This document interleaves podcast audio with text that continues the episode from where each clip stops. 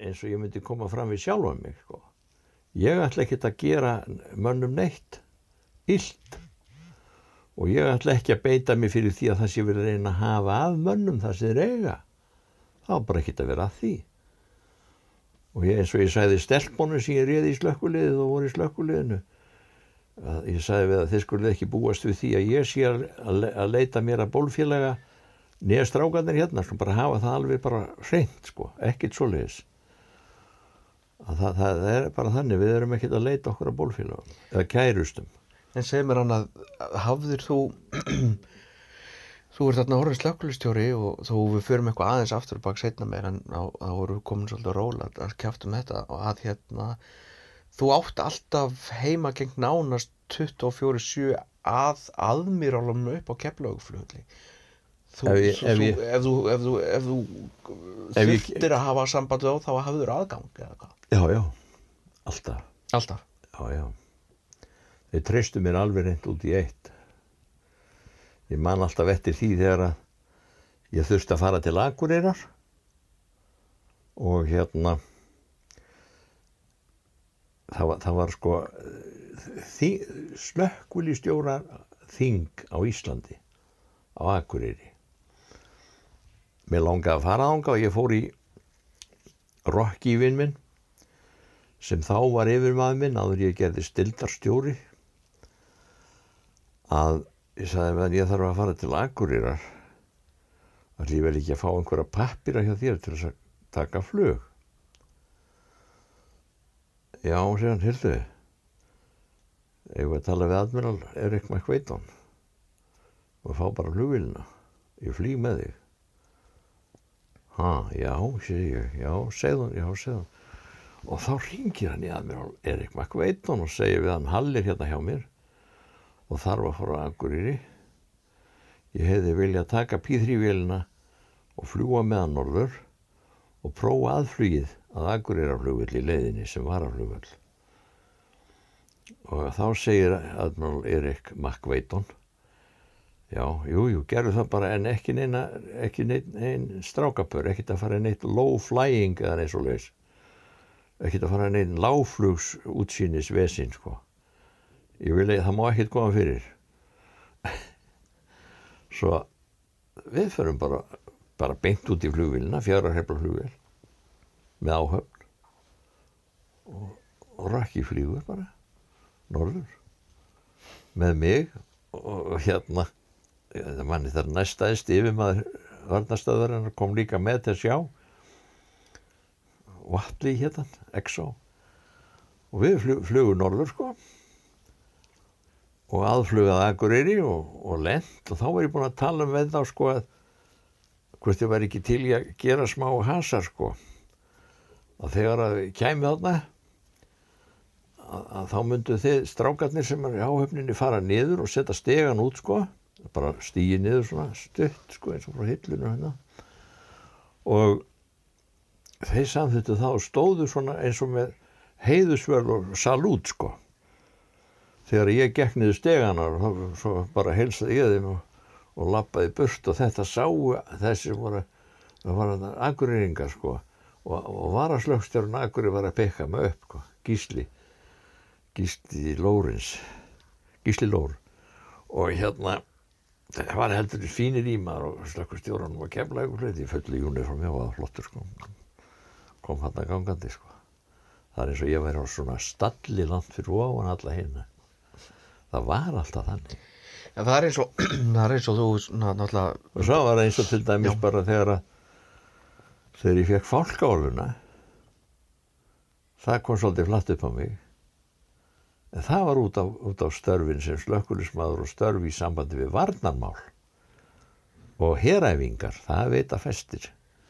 En hérna það, það var nú þannig sko. Það er út af því að það, það, það tvinnar svo mikið margt inn í þetta starf. Þú ert þarna í sjálfum sér ómentaður ungu maður sem byrjar, þú þroskast og lærir og verður hérna að, í- yfirmanni og kemst að og verður að, að eiginlega tengileg milli íslenska ríkisins og bandargeð, þú ert um að aksis að aðmýralum, aðmýralar þá yfirmenn alla, alla, alla, alla, Allra herja hér, alla herja, hérna á Íslandi, eða ekki? jú, jú. En e, þannig að pólitíkin er gríðaleg þegar þú, er, þú upplifir hana kannski þú ert svona slökkulstjóri ég Að upplýði þannig að, að slökkulistörfun er orðin eiginlega bara hálfgert auka atrið í þínu starfi þetta er að reyna að halda stærðar fyrirtæki bara gangandi þarna, með mikið af peningum milli handa er, þetta, er orðið, þetta er orðið svona eins og í dag myndi segjast bara stærðar fyrirtæki. Ég, það voru miljardar sko sem ég hafði í reksturinn. Og það voru 160 strákar og stelpur þegar mest var. Og ég var náttúrulega með yfirmenn. Og ég bjóð til þannig lið, yfirmanna lið að það var aldrei einn sem gætt sett okkur á hausinn eins og sagt er. Þótt einhver veri veikur eða frá þá var alltaf annar í staðinn sem var búið að æfa í að taka við. Alltaf svoleiðis. Það var aldrei staða stopp út af einum manni. Aldrei. Og hérna ég gerði ímislegt svona sko fyrir strákana sem að, sem að Guðni gerði ekki til dæmis. Þannig var með mál með vexti að ef þú hafðir ákveðna gráðu þá hafðir ákveðið kaup og til dæmis þú var símamaður fastur starfsmaður og síma hafði bara síman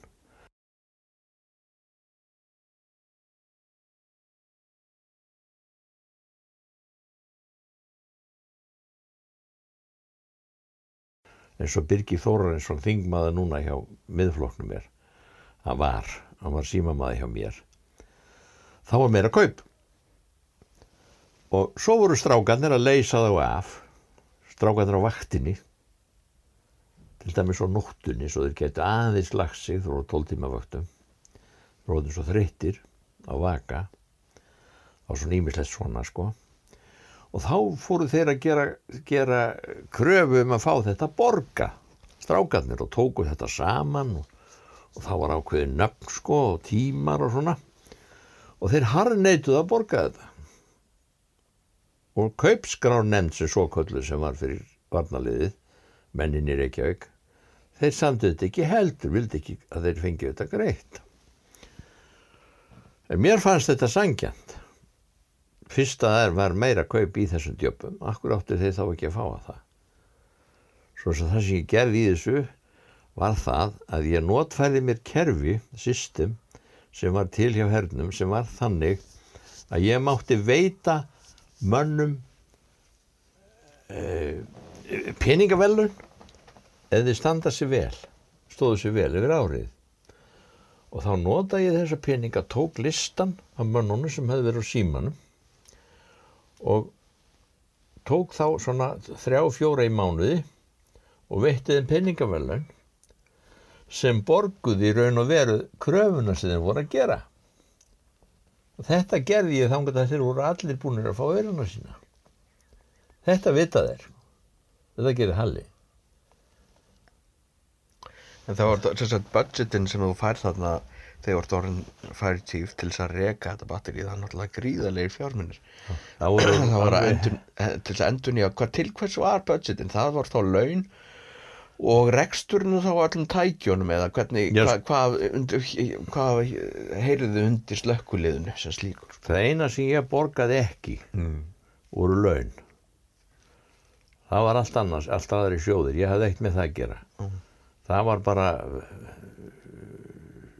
launin sem menn áttu fyrir uh, í, í skjóli sína stjættarfélaga og, og þeim til þess að hafa á reynu og stöðugildum og svona. Og öll laun eh, hjá slökkuliðinu á þessum tíma já, þetta er allt borgað af bandarskaríkinu já, já, alla tíð. Launadildin, sko, ég man ekki hvað þetta voru margir miljardar á ári sem að við kostuðum, sko að það, já, þetta er nú einhver starf en segir mér annað En það byttur, Já. mér er að klára hérna, er Já, sko að, að hérna pinningarnir sem ég hafði voru bæði frá flughernum og sjóhernum. Mest frá sjóhernum. Frá flughernum fekk ég pinninga til þess að, að reka og halda við e, þóttugildrónum. Því að staðrindi var svo að sjóherrin notaði þeir ekki.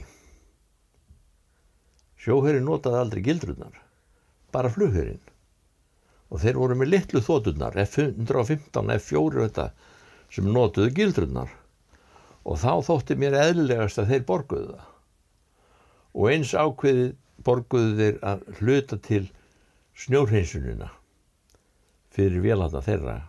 Og kröfunar sem þeir gerðu voru mikið strángari heldur en, heldur en aðrar. Til dæmis flugleiðir, ég sendi alltaf flugleiðum bref þegar fór að hösta og spurði hvað viljið þið í vetur, hvernig viljið þið hafa flugbröðinnar og fluglöðin? Hvaða tölu viljið þið hafa í bremsuskiliði og þetta allt saman og þeir koma aldrei með neinar kröfur vegna þess að þeir óttuðu svo að eru að borga það. En flugurinn kom með kröfur um 24-7 July conditions. Allan sólarhingin aðstæðir eins og þekkast best í júli vildur hafa allan veturinn. Hvað þýðir þetta? Og ég var að gera þetta. Ég let setja í brautinnar skinjunarkerfi, scan system, til að segja mig hver temperatur væri í yfirborði brautana á 12 fett uppi. Og þetta var svo borið saman og ákveðið metið hvort að vera að koma dagarmyndun og síðan frostmyndun.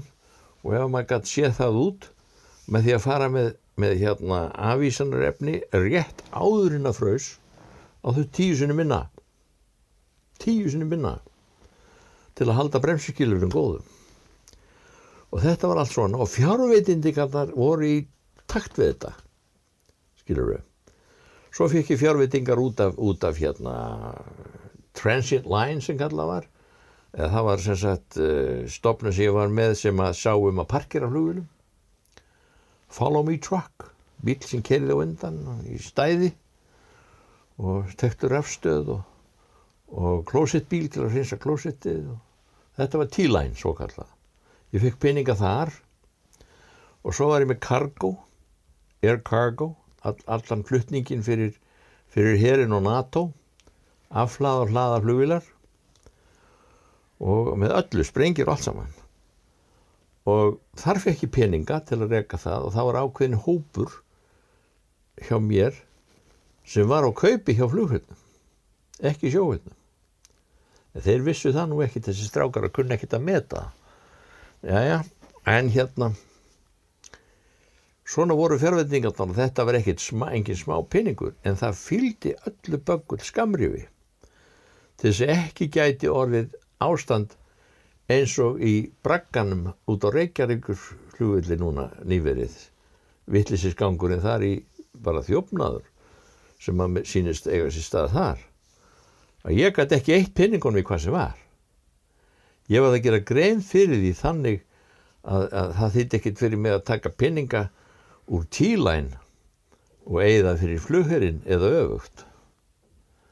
Ég til, til dæmis létt byggja í slökkustöðuna eh, herbergi fyrir strákana til að sofi og, og skúfur undir rúmónu fyrir nærfötin, nei fyrir rúmfötin þeirra og svona, hvern mann, þetta var heilmikið sæði kring og þetta, nema það að ég notaði peninga frá frá flughörnum sem átt að vera í Air Cargo í að gera þetta.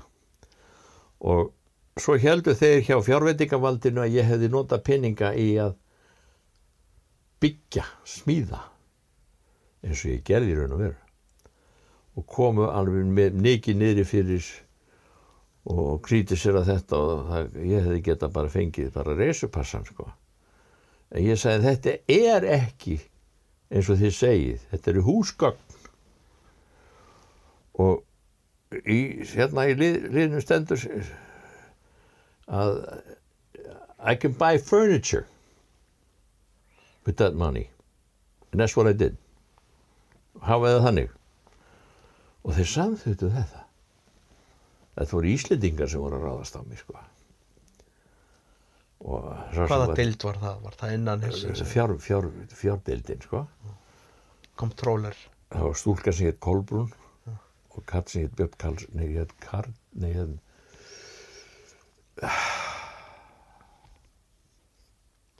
ja, Það skiptir ekki skiptir, skiptir ekki máli í dag en, en, en ég sá í hendi minni hvað var að ske hjá þessu fólki að koma og alltaf fara að koma mér í klandur svo þess að ég var til þess að þessi maður var látið fara. En hann var næst aðstu maðurinn í launadeldinni já. Áður en við heldum Ég langar til þess að segja þið sögu hvernig þessi menn voru þarna eh, sko, í, sem voru fyrir þegar við byrjaði, ég byrjaði í slökkuliðinu ég get ekki varist í sko. eitt þarna til dæmis. Það er best að vera ekkert að segja hvað hann heitir. Það er nógu semt samt. Að Amerikanir sko þeir, þeir hérna hrifust af mér. Og, og hérna fannst ég vera það sem þeir sögðu intelligent á ymsum sviðum. Sögðu það við mig. Og eitt þeirra sem var yfir Tom Godbold hann sagði viltu ekki fara í inspection? Þú er ábyggilega góður fire inspector. Þú farið í fire inspection? og það kom svolítið flatt upp á mig og ég sagði já já leið mér aðeins að hugsa um það. Svo fór ég bara að hugsa og ég fór að tala við einn samstarfsmann minn uh, og hérna segja hann að þeir hafa vel að bjóða mér að í þetta. Og þá segir hann það skalt ekki gera. Akkur ekki segi ég þá þarfst að vera að vinna með sveini þú veist nú hvernig hann er. Þú verður eins og skósveitn hjá honum. Hann er svo frekur og yfirgangsamur þú skalt ekkit vera að taka þetta halli. Það borgar sér ekki fyrir því og sér letti því svo ég fer til Tom Godbold og segir veistu það ég ég held ég láti dega sem ég langar ekkit að fara í þetta. Næstu vakt og maðurinn sem saði mér að taka þetta ekki komið með húfu inspektor og orðin færinspektor. Sko svona var mórallin hjá þessum liði. Já. og þetta, þetta, þetta svona skítarhúfu sko. Og voru þess að pólitík innan innan hús já, innanhúspólitík já, menna reyna, reyna að pota sínu fram. Já, og hafa af hinnum eins og gerist víða hefur orðið var við þetta? Já, þetta er víða, ekki í fyrirtækjum og svona partur af menningu sko. þetta er skrítið. Þetta er skrítið. Já, En- en, þetta er ekkert skrítið þetta er bara óþverra gangur en við heldum áfram að spurning við erum eftir að spjalla um miklu meira um, um slökkuliði og síðan þurfum við að fara meira í lagsveiðina og, og, og, síðan, og síðan allt, allt þetta málið um að, um að hætta í slökkuliðinu og, og, og, og hérna herin fer af Íslandi og alla sögurnar í kringu það að ég, ég hef nú heyrt marga sögur hvort að við ekki taka það í næsta sessjón Já, það er sko, lagsveiðin er, er alveg heljalega stór kapituli í mínu lífi. Öll stangveiði, hún er alveg svakalega góð og mikil. Geti sagt margar góðar sögur um það, maður er bara engar. Hvorki tíman í stund Jú, jú, en ég er að spá í hvort við tökum það bara í næstu sessjón hjá okkur Já, já, að það sem út úr því er komið og ég get sagt að það hafi líka haft áhrif á mína nánustu sko. Já, og eins og þig Halli minn hvað þú ert búin að mm njóta þín í lagsviðinu og öðlast mikla lífsreynslu og góða vini það er ekkert smáraði er sko. ekkert smáraðum þetta er svo stórkoslegt sko. það er alveg bara maður wow. Og það var svoleiðis ég var að veiða stundum hérna. þegar ég var upp um mitt besta var í elluðanendinni og klagnendinni hjá stangauðfélaginu og þetta var og hét og var ásáttíð og svona. Hún er ekki verið hjá stangauðfélaginu í tíu ár ásáttíð þetta er meira liðin og hérna þeir held alltaf að ég væri að húka strákarnir sko en ég síndi það. Ég var, var- með hérna, forverana Black Sheep túpuna hún var brún og gul með brúnan legg og silfur vaf. Galvanseraðan krók og tvö högl og láti rúla botninum. Og alltaf á. Síðasta dagi mann ég eftir einu sinni elliðanum. Við fengum alltaf síðasta daginn glagnemdin og árnemdin hálfan dag og ég veiða. Ég tók 11 laxa í beit í símastreng og þú veist hvað það er. 11 laxa á dúbuna þeir komu til mín og það sáu þetta. Þetta bara er svona. Einu sinni var í mjótonum valdi hittin Jónsson Þorvaldur Jónsson vinnu minn kom hann að mér. Þá tók ég lags númer sjö svo hann horfði á landaði honum og tók svo númer átta. Landaði honum. Og átta lagsar á bakkanum hann var svo hissa horfið á þetta kallinn. Alveg reynd og svo var hann alltaf að segja frá þessu. Þegar hann hitti mig í fyrsta skipti þá bara bang, bang, bang, bang. En það sem var í kringu þetta var það að ég átti eftir middaginn í elliðanum var að vinna söðu frá og var að slögstjóri fekk að fara til þess að veiða fórun í Keflavík til að kaupa mér flugu Nighthawk til að fá mér eina Nighthawk. Ég nýtti ekkit þá. Og, og hérna þá sé ég svona uh, skrimsli í bakkanum og segi hvað er þetta? Og segi þetta er túpa, túpluga. Var svona gulubrún já, þetta er svolítið snöðu segi já, það geta veiðast um það. Best ég fái hann líka segi set hana og við ætlum þarna vinn minn. Mm. Það er bara bingo í hverju kasti Á þessum tímapunkti gerum við hlýja á viðtælinu eftir að hafa spjalla í yfir tvo tíma og ætlum okkur að halda áfram á morgun.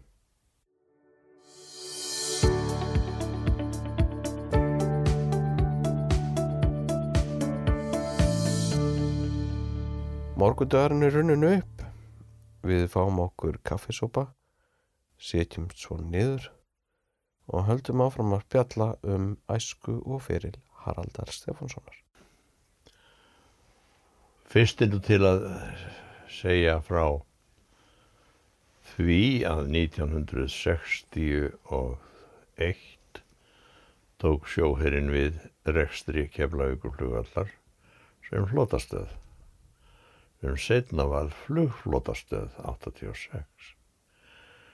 En 63 þá kemur það til að, að sjóherrin sendir alla sína óbreytta borgara sem voru í slökkuliðinu í burtu og fól Íslendingona sem eftir voru til þess að, að reka slökkuliðið fyrir Ísland og, og sjóferinn og þá uh, ætla slutinni þannig að Svein heitinn Eiríksson verður slökklistjóri og, og aðri svona einhvers konar stjórar undir honum hingað og þangað inn um ymsu verkefnum.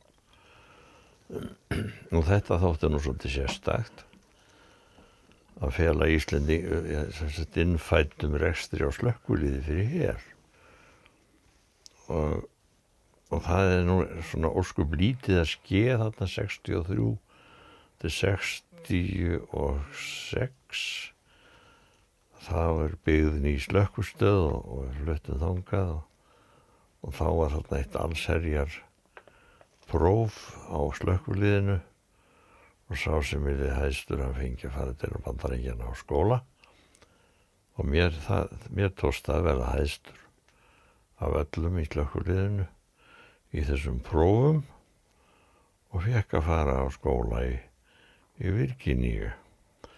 Nú eftir þarna það var 66 svona til já 73 það þanga til eldgósi verður í Vesmanni en þá er okkar vegur svona ósku bara venjulegur og, og hérna var það ekki 73 sem gósið hófst mm. 21. januar og það er nú bara á morgun eins og við setjum hér í dag 20. januar og þá er það sem að sveitnheitin sem að ákveði það hjá sjálfurinn sér án samráðs við sitt yfir fólk að fara til Vestmanæja og reyna að gera eitthvað í málunum og hans verk, hann var svo afgerandi þar í þessu, hann, það spurðist út um allt og allir fylgdust með náttúrulega framgangi mála í Vestmanæja góðsinu og, það, og Svein, hann komst þarna yfir einhvern óapinn jeppa og, og gamlan hérna, stríðshjálm og var þarna að djöblast í þessu að koma upp eh, vaskælingu á raunnið og negla blöður fyrir klukka og, og íta á eftir því að aska væri fjallaðið þögum og það gerðu innrásar liðar bandaríska hersins sem voru hérna að kemla ykkur hluti fóru þarna út til að gera það og meðal hans voruður með Douglas Dakota flugvilar og fluttu kindur og svona búfjönað til hans en uh, fræð slökkuleysins byrjar í rauninni þarna með því að, að það tekið eftir sveiniheitnum sko og síðan úr, úr því sko fram til 8, 10 og 6 að þá erum við að taka þátt í alls konar samkeppnum hjá slökkuliðunum í hernum og á borgarlega sviðinu í bandaríkjónum og erum þar sífælt í fyrsta, öðru eða þriðja sæti í ára raðir. Og orðinir frægir þar líka og svo kemur þetta ímislegt sem er að skeða þessum tíma. Eh, ég get sagt frá ímsu svona en Hvers vegna voru þið svona góðir í mörgum af þessu keppnum? það er vegna þess hvað við vorum að gera. Að mati þeirra sem að lögðu mat á okkar störf. Og í slökkuliðum er eru ákveðin verkefni sem þú átt að vinna. Það er sem til dæmis þjálfun þá þarfst að geta gert grein fyrir því hver þjálfunin var og sína fram á hún að verið raunveruleg þjálfun. Og okkar þjálfunar aðferðir og niðurstöður voru bara svona miklu betri en hjá öðrum. Og við vorum að finna upp á ímsu í, í eldvörnum og ímsu það er til dæmis runnið undan mínu rifjum og ég stjórnaði því með, var með þætti í sjónvarpi um brunavarnir hjá bandarinska hernum eitt skipti var málið þannig að að uh, hérna það kveiknaði íbúðarhúsi sem hétt svo kallar Rosebud area eða Rósanappsvæðið og það kveiknaði þar í og, og Sveinn var með vaktina. Og þeir voru þarna og, og þeir náði að slökka þetta og án þess að það er í manntjón og svo var sett vakt á húsið og, og slökkulegði yfirgaf svæðið. Og síðan yfirgaf vörðurinn sem var hafður eftir svæði líka og fór upp í slökkustöð svo leið einhverju tveir, þrjir klukkutímar og þá blossaði bálið upp aftur í húsinu. Og það svaf fólk í luta af því. Og þá var komið þetta fólk var komið í lífsættu og en það var nú samt tekið á því og þetta slögt en þetta þeir þótti mikil neysa að fara á eldstað og slökku ekki bálið og fara frá heim án þess að vera með það slögt og örugt. Út frá þessu var ég svo slegin fyrir hönd slökkuleysis að þetta skildi ske að ég dró upp prógram sem ég vissi að var til og kallað Operation Edith. Nafnið er Edith E-D-E-T-H Exit Drill in the Home. Og þetta var með myndum og ymsum svona flettiblöðum með myndum. Og ég tók þetta saman og, og fór neyri sjónvarpið hjá hertum og bauðum hvort ég mæti ekki fara með þetta á sjónvarpið til þess að kenna fólki að bjarga sér sjálft ef það kviknar í hjá því heima. Og þá var ég með í huga að þetta munaði svo litlu þarna í þessu húsi Rosebud að, að hér um, ég hefði ekki viljað sjá það ef einhver hefði farist. Og mér tóst að draga aðtiklina frá þessari neysu með þessi framtaki mínu og Operation Edith var síðan fastur liður á keflauguflugulli alltaf í eldvarnavikunni á hverju ári. Og eldvarnavikan var alltaf í þeirri viku oktobermánaðar þar sem nýjundi oktober var. Og þá fóru fram mikil og, og, og hérna stór uh, prógram og við settum upp skildi skildi og, og búðum bjökum til lítið hús og síndum fram á hvað ætti að bjargast og hvernig og ég var með ítið á sjónvarpinu og ymsa aðra þætti. Ég hefði svo gaman að ég að vera á útvarpinu því það gekk svo vel.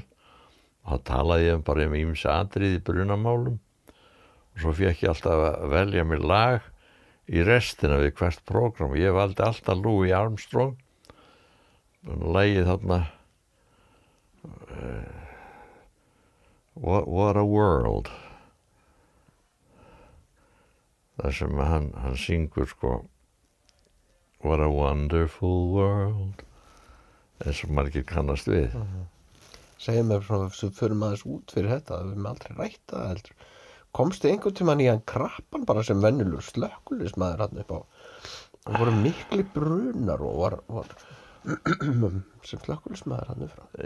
Já, ég veit ekki hvað ég á að segja það mér, mér fannst í rauninni aldrei vera mjög mikið knaft á í brunum. Það er til dæmis ég var að sefna, nefna þetta áðan. Mm. það kviknaði í húsinu aftur sko. Sem er mjög slæmt. Og fólki sofandi þarna. En í flugvélum svo voru sko alls konar brunar sem að ég lendi í það. Og þá voru þetta oft íkveikjur sko og ég var nú sendur til ég fekk tækifæri og fór til bandaríkjana og, og hérna og lærði brunaransóknir útskrifaðist með diplómu sem, sem brunaransóknari fire investigator sem kallað var. Og, eh, og líka ástvaldur var að slökkulistjórin minn sem var setna fórum báðir í þetta og, og hérna brunar sem áttu sér stað var til dæmis þryggja bruna ástand sko sem var einu kvöldi á sunnudegi og kviknaði á þremur stöðum. Og Sveit þannig að Sveit heitinn það var ekki á sunnudegi það var, já já Sveit var með vaktina við vildi oft svo liðst til. Nema það að, að hérna þeir slöktu bálið og svona og, og svo var sendur maður frá bandaríkjónum Bill Miller hérna og, og til þess að rannsaka þessa brunna, hann var rannsóknari sko. Og ég var settur með honum í að rannsaka þetta, þetta, þennan brunna og við vorum að tala við hérna eins og þar á meðal var einn herrlaur maður sem við vorum að tala við Peterson hérna og þetta var svona hús heljarlega mikið hús fullt af húsgögnum eitt brunnin. Og uh, það var eiginlega ekki hægt að ganga um húsið því það var bara fullt alveg fyrir áfur af húsgögnum. Það var mjór gangur svona í gegnum stablana sko. Og Peterson saði sko frá því hann hefði séð reik koma úr hurðinni þarna og, og hefði ringt á slökkuliðið og svo vorum við að ræða þetta ég og Bill við hann og svo ég spyr svo ég spyr, en segðu mér Pítursson, hvernig var þessi hull hér lokuð? Og ég benti þá á tekningu hvernig var hún lokuð innanfrá, segi ég. Þá segir hún hún var með þverslá. Og þá segir við hvernig gastu vita það að þú fórst aldrei inn í húsið og þá, þá kom nú vöflur og kall hans að var séða bara mörgum dögum áður þegar að hinhulun á móti var opinn inn og var vel að setja þarna inn húsgagn það var mjög sennilegt. En uh, hérna Naval Investigative Service þar sem ég var að vinna þarna uh, og það er hérna Criminal Investigation Service í dag. Og þeir sáu strax hvað, hvað skeiði þegar ég spurði Pítersson að þessu. Og út frá því tókuður hann í þriðju gráðu yfir heslur með miklu látum. Og þá endaði með því á þessum grunnsendur sem ég vakti þarna þá var maðurinn hann, hann játaði hlutina og var dæmdur til fangilsis í bandaríkjónum í, í 15 ár út frá þessu og þetta náttúrulega sko í hvers skipti sem kveknar í og slökkulismin fara að vinna að þá eru þeir allir í lífsættu og það verður alltaf að líta á málið þannig sko. og svo verðum við að líta líka á málið þannig að ef að það kveiknar í ruslafötu og þú ert nógu fljótur á staðin og slekkur í ruslafötunni og þá er öll eignin þar sem ruslafatan er þá er öll eignin upp á miljardæjafil í hættu. Og við, við færðum þetta alltaf þannig upp. Property involved eða sem sagt eign sem er í brunanum. Og síðan hvað var mikil skaði af heldarvermætinu og það þýðir það að þú, þú, hér bjargaði svo svo miklu vermætum á hverju ári með því að taka þetta svona niður. Þetta fannst þeim bráð snjált til dæmis í bandaríkjónum og við vorum fyrstir með þetta og, og að gera þetta svona sko. Að hugsa þetta svona. Já, og svo þegar við tölum um hættur sko það, það voru fleiri, fleiri brunar sko sem voru svona en og svo þar sem við listum það var til dæmis uh, Douglas DC-6 í borgaralegu tali sem heitir C-118 hjá hernum. Flugvél sem að þjónaði keflavíku flugvilli hinn um ímsu verkefnum að skreppa til Evróp og hinga og þanga svona. Hún fór í yfirhald í bandaríkjana og lögu til. Og admiralvinnu minn Erik McVeiton kom með hana heima á svona fleirum nýju uppgerða á fína og var sett inn í flugskílið Stóra sem er á vellinum. 885 er númerið á húsinu. Svo bara kemur til útkall klukkan 11 um kvöldið. Og þá var bara flugurinn að loga inn í skílinum baka kníðinni og við vorum allir kallaðir út og, og, og Sveitn var þarna kominn og, og sá sem var á vakt og Svenni tekur mig og ástæða og segir far, farið þið inn og reynið að finna út áður en þetta fer allir annarskotans meira akkur þetta er. Akkur ég kveiknaði í sko. og við vorum komnið þarna inn með grímur og í reiknum og vorum að skoða þetta og annað sko, það var ekki eins og búið að slakka þannig erum við náttúrulega í stór hættu inni í þessu. En svo endar með því að vélinn skellur og skellur aftur fyrir sig búið að dæla svo miklu vatn í hana. Að hún sko þingdarflutvillin breytast og hún skellur nér á stélið allt í einu. Og það hef bara heppin engi var undir. En, en, en þarna fundum við út sko að þetta gati ekki hafa verið kveiknað í öðru sem einhver hefði gert það. Og í framhaldi að því voru tveir menn óskað eftir aðstof frá bandaríkjónum rannsóknara komu tveir. Komu tveir menn David Velensevich hétt annar þeirra verkfræðingur, brunaverkfræðingur og hitt var brunamála stjóri Norður Allarsafsins kom sjálfur. Og ég og Ástóldur fórum að vinna með þeim. Og við fórum búin að sjá ímislegt út sko og uh, meðal annars brunabletti á gólfinu í vélinni sem síndu að það hefði verið bensinskvettur sem hefði farið þannig inn. Nema það að, að það var smá, smá svona tilvíljun í þessu þannig að það var hann að maður hann keði legubíl og keflaði flugulli það minn hann að veri kallað biblíumadurinn hann var okkurlega trúaður og talaði við farþegana um, um trúna og var með biblíun alltaf hjá sér. Nema það að hann um kvöldið áðurna kviknarklugunum elluleitið þá skuttlar hann strák þarna upp yttir í sjóhörnum og hann fer úr þarna við skýlið strákurinn.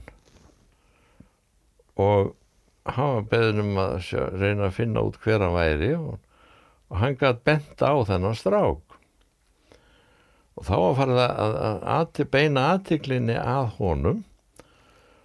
Og hann til dæmis fötinn hans voru send til bandaríkjana fötinn sem hann var í til FBI ríkislörglunar í bandaríkjónum og þar var þetta allt saman rannsakað. Og það fannst í buksunum hans eitt lítið glerögn og þegar það fyrir að bera hana saman við brotin loftljósin í flugvilinni að þá passaði glerögnin við, við hérna ljósa kúpulin sem var í loftinu. Og þá hertust nú tökin á kalli og út úr því kom að hann fór og viðurkendi þetta að hafa kveikt í flugvilinni og hann var einna áhöfninni og hann var svo óanaður út í sjóherinu hann að vera hefna sín á sjóherinu með því að gera það sem hann gerði. Og það var það að hann, hann tók eldsneitis pröfur sem alltaf verið teknar úr töngum flugvila og þannig að fara í flug það tryggja allt sér í lægi með bensneitið og hann hafði það í skáp á gólfinu þarna í skílinu tók og skvett inn í vélina. Fyrst fór hann inn í hana með exi og var að höggva hitt á þetta og þar á meðal brautan ljóftljósin með öksinni þessar aksir er í vélunum til þess að brjóta sér leið út handaksir og hann breytur ljósin og þannig fannst hann það ekki nóg og þá tók hann elsniti skvett inn í hann og kveikt í. Og þetta náttúrulega eru er með allir í stórkosleiri hættu og all, all markmið bandariska hersins á Íslandi voru undir því að inn í þessu flugskili voru radarflugvilar og, og, og hérna fljúandi stríðsherbergin í 3A allt þetta er inn í þessu sama skíli þegar vélinn fer að loga. Og þetta liggur allt saman undir og er í hættu. Upp á trill, upp á, ég minna miljónir dollara sko, hundru miljóna eða meira sko, svakalegt, svakalegt yfirvofandi tjón. Og þetta var nú ekkit smá hróður á okkar könnu að fara í þetta, ráða við það og negla það sem kveikt í. Þetta spist út um allt. Og hérna segð mér hérna það, í þessum það verða hann einhver, einhver tjón eða það verða hann einhver bruna sjálfsögðu þannig frá, þetta náttúrulega verður ágætilega stórt samfélag en uh, sem betur fyrir var aldrei neitt eh, eða var einhver mannfall. Mistu þið einhver tíma menn í, í, í bruna? Við mistum aldrei mannlíf. Það slasaðist fólk. Já En þið mistu aldrei menni í, í mannlíf sem slíkt? Ekki á mínum felli. Nei.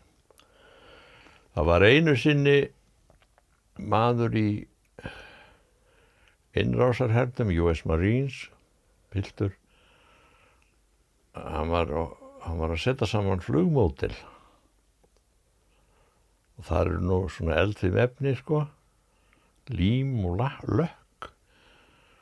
Og hann reykti nema það kviknar í þessu hjá honum. Og, og honum sjálfum. Og þegar þeir komið að strákarnir sko, ég var ekki því þessi útkalli. Þá var maðurinn bara að brenna sko og, og, og reyna að klifra upp vekkin þeir sögðu það, það var svolítið skrítið, já já. En þeir náðu slökku í honum og hann livði þetta sko eftir síð best veit. Og þarna var þetta svona svo var í öðru tilfelli voru tveir íslendingar vélstjórar seti í gang vél.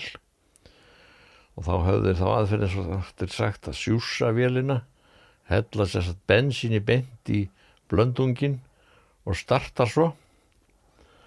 Og þegar að annar þeirra er búin að hella bensinun í blöndungin og hinn stendur fyrir aftanan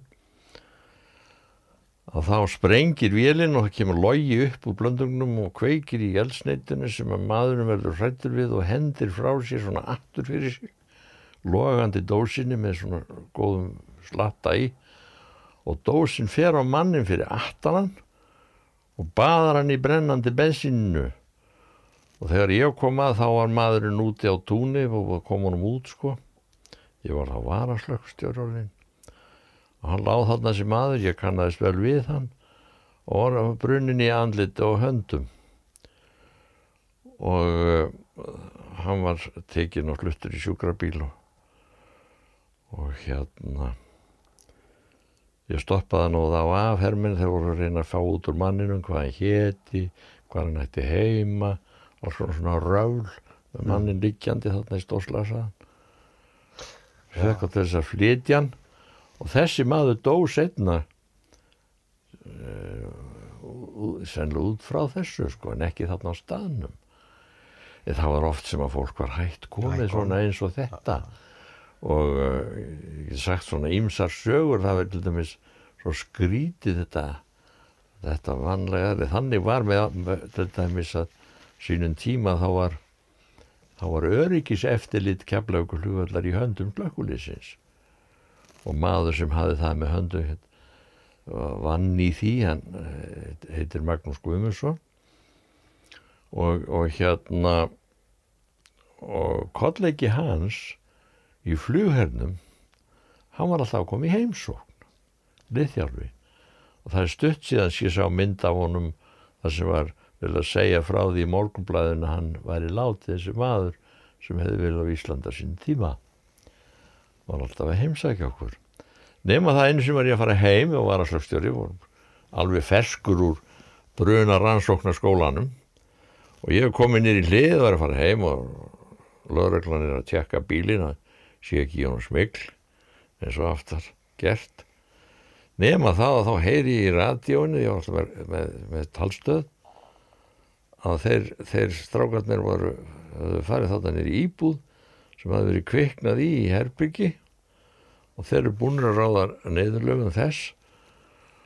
Og þá heyri ég var, varstjórin á vakt Rúdolf heitinn Tórnarsson segir þetta it's probably the lamp cord.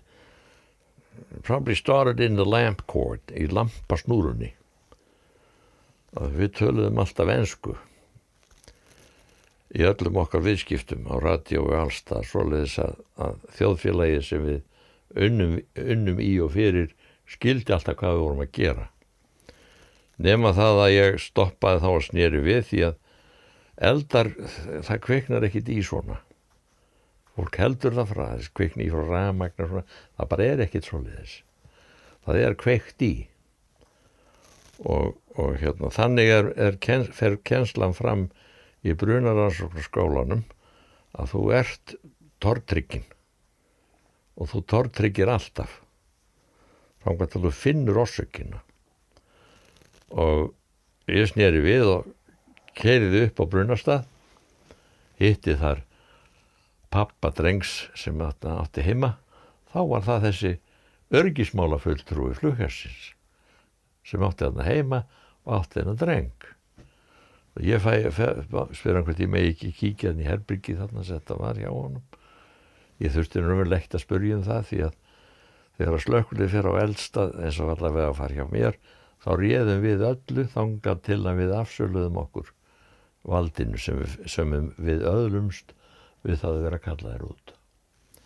Nema það að ég fyrir inn í herbyggi og það er ekkit sérstatt að sjá þar. Eldurinn hafði verið á miðju gólfi í kotta hlustóttar ég og ég segi nú nú. Hvað er nú? Hvaðlaði strax við þetta sem er mjög oft að, að börn eru seg en óskaplega saglus og uh, ég fyrir að spekulur í hvernig þetta getur verið og, og það var svona, svona borð við rúmið, og ég opna á skúfun og þar er ekkit að sjá nema það ég sé eina brunna eldspítu svona eins og brefelspítu og svo ég, þá voru þarna spíl venjuleg spíl bara hjarta spaðið tíut lauf. Ég tek spilabungan og fyrir svona að gera svona flettunum. Þá tek ég eftir því að það eru töða þrjú spilin í miðin bunga þar sem brúnin á spilunum er brend ég síni pappanum þetta. Hvað, akkur er þetta svona? Það hafa nú lítið um svör. En, en hérna er nokkuð möguleik að svonurinn sé segur og hafi verið að kveiki í, segja þá segir hann, það getur ekki verið. Svo ég segi við hann, já já. En eins og þú veist náttúrulega að þá er þetta mjög algengt að spila bunkar í, í skúfum hjá litlum strákum séu brunnar og eld, brunnar eldspýtur í, í, í, skúfunni hjá þeim. Það er alls það svona það kemur bara svífandi í loftinu og fer í skúfunnar ég talaði svona við mannin og hann sá það náttúrulega í hendi sér að þetta er ekkit svona.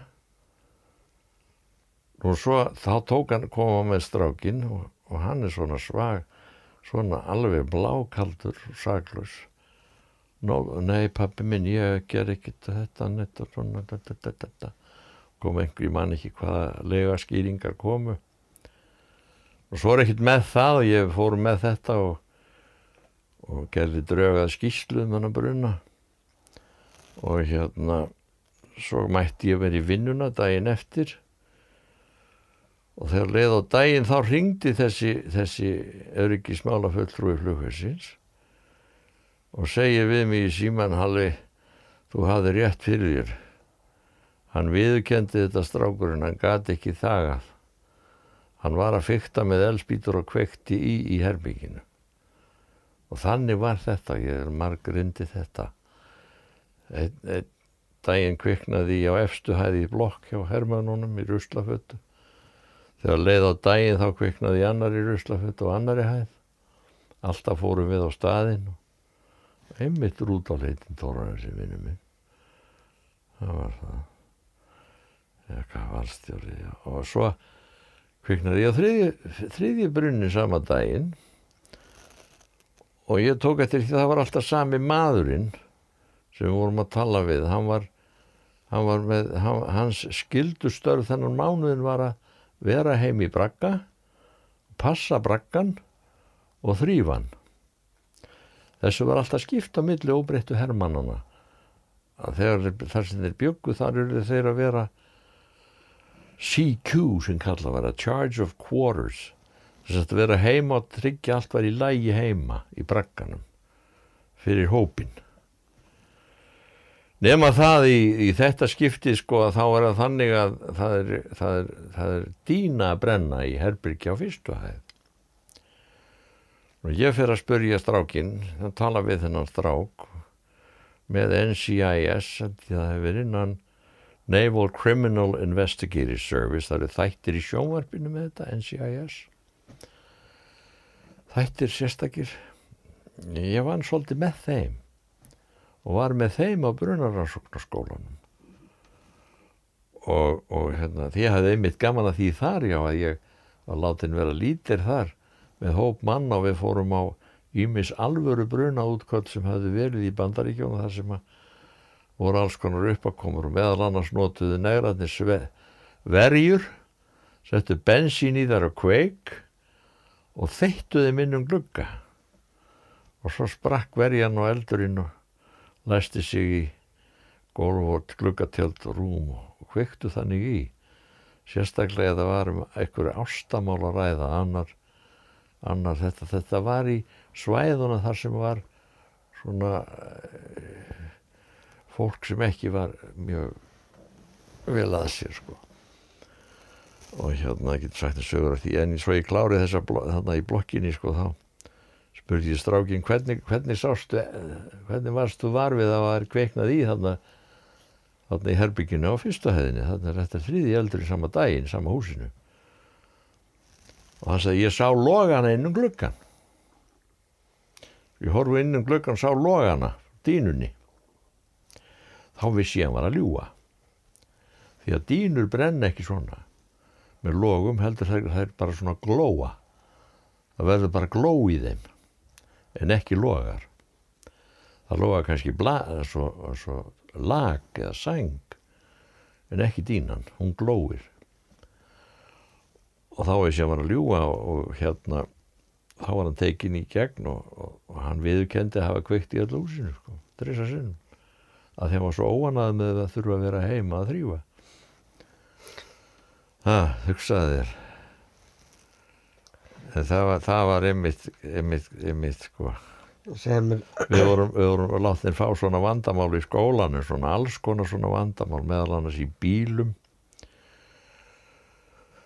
hvernig kveiknaði í þeim? Og út frá þessu tókst okkur ofta að, leysa svona bruna vandamál og Ástvaldur held þessu við mig ekki, ég gerði ekki mikið af því því að ég bara notaði hann ég að fylgjast með hlutunum. Því að hann var minn, mín hægri hönd meðan ég var slökkulistjóri í 20 ár síðast 20 árin en þá erum við frægir fyrir svona alls konar hluti sko sem við vorum að gera. Og, eins með samkeppnum. En hérna já, já. Það var það er sem sagt það er fire prevention það er náttúrulega það hefur greinilega skilað sér þetta upplugt upplugt kerfi hjá okkur sem, sem er, er, er bruna varnir sem slíkar þarna upp frá. Og í þessu samfélagi sem gerir það verkum að sem betur fer verða ekki mikið mann, verða lítil slís og, og engin mannföll og, og, og þetta gengur þó nokkuð vel fyrir sig. Og það verður þau sem betur fyrir ekki mikið af, af, af flugvílum sem eru að, að hérna, klekkjast á í lendingu. Það, það sem betur fyrir lítið sem er svona sem er svona aðalega hjá ykkur eða ekki þetta var Já, svona sko- ykkar, ykkar, ykkar, responsibility svona mestmægnis Já, það er náttúrulega sko við erum það sem að slökkulið er samansett að sko það sem heitir crash crew. Það er sem sagt hópur manna sérhæfður með sér hönnu tæki bíla og tækinum borð í bílunum fyr, til þess að takast á við flugvilar eins og þær eru byggðar og bjarga því sem bjarga verður þannig að búa til flóttaleið fyrir farþegana. En ekki að bera 250 manns í fanginu út úr hugvil það er oft sem að fólk heyri það að fólk heldur það. Það er ekki þannig. Tækin eru, eru bílarnir eru fullir af sérstökum slökku efnum sem að eru mjög virk, svo kallar léttvatni eins og vorum við setna og þá er aðfyrin af flugvilinni þannig að að bílarnir þeir stilla sér þannig upp og sprauta að þeir verja búkin í vélinni og búa til fróðu göng nánast frá flugvilinni til þess að farþegarnir geti bjarga sér sjálfur þeir sem það bara geta á annar borð. Og svo er einhver sem geta það ekki og þá reyna, reyna að drösla þeim einhvern veginn í burtu frá bálinu þetta, er grunnurinn sko.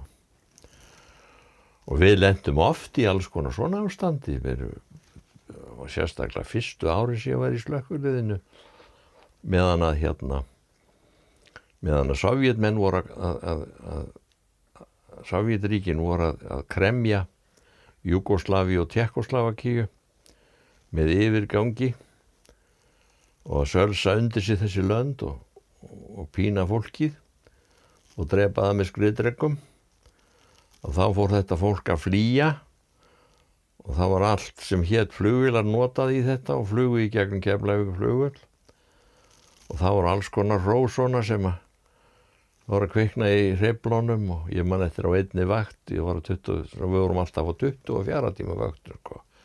alveg allar svo ringin það voru 25 útköll á 24 tímum maður svaf ekkit en eitt svo leið sko.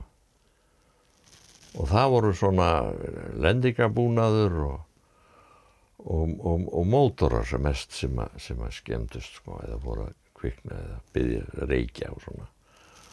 Og það voru alls konar uppákomur í kringu þetta og þetta voru júkoslavar og, og tekkar sem voru að flýja heimalönd sínur í, í skjól bandaríkjana og, og fleiri þjóða og það var mikið af júkoslavum sem kom til Íslands á þessum tíma. Meðal annars unnuður sem er á vellinu hengu vinnu þar. Og ég bjó með þeim á Östublum 2 þar sem við erla eignust fyrstu íbúðin okkar. Þá var hægt að eignast íbúð. Við vorum nánast krakkar. Og það var svona svo kallar samignar félag stopnað til þess að byggja litlar íbúðir á rétt 55 fermetrar hver íbúð þetta var upp á 13 hæðir. Og þá fekk maður að vinna við blokkina með að verða byggjana og sapna tímum. Og gætt borgað íbúðina þannig og ég skil ekkit í því að það skulle ekki vera gert í dag. Þetta er leikur einn að gera þetta og, hraustir ungir, ungir menn og, og, og konur geti unnu sér inn uh, við að byggja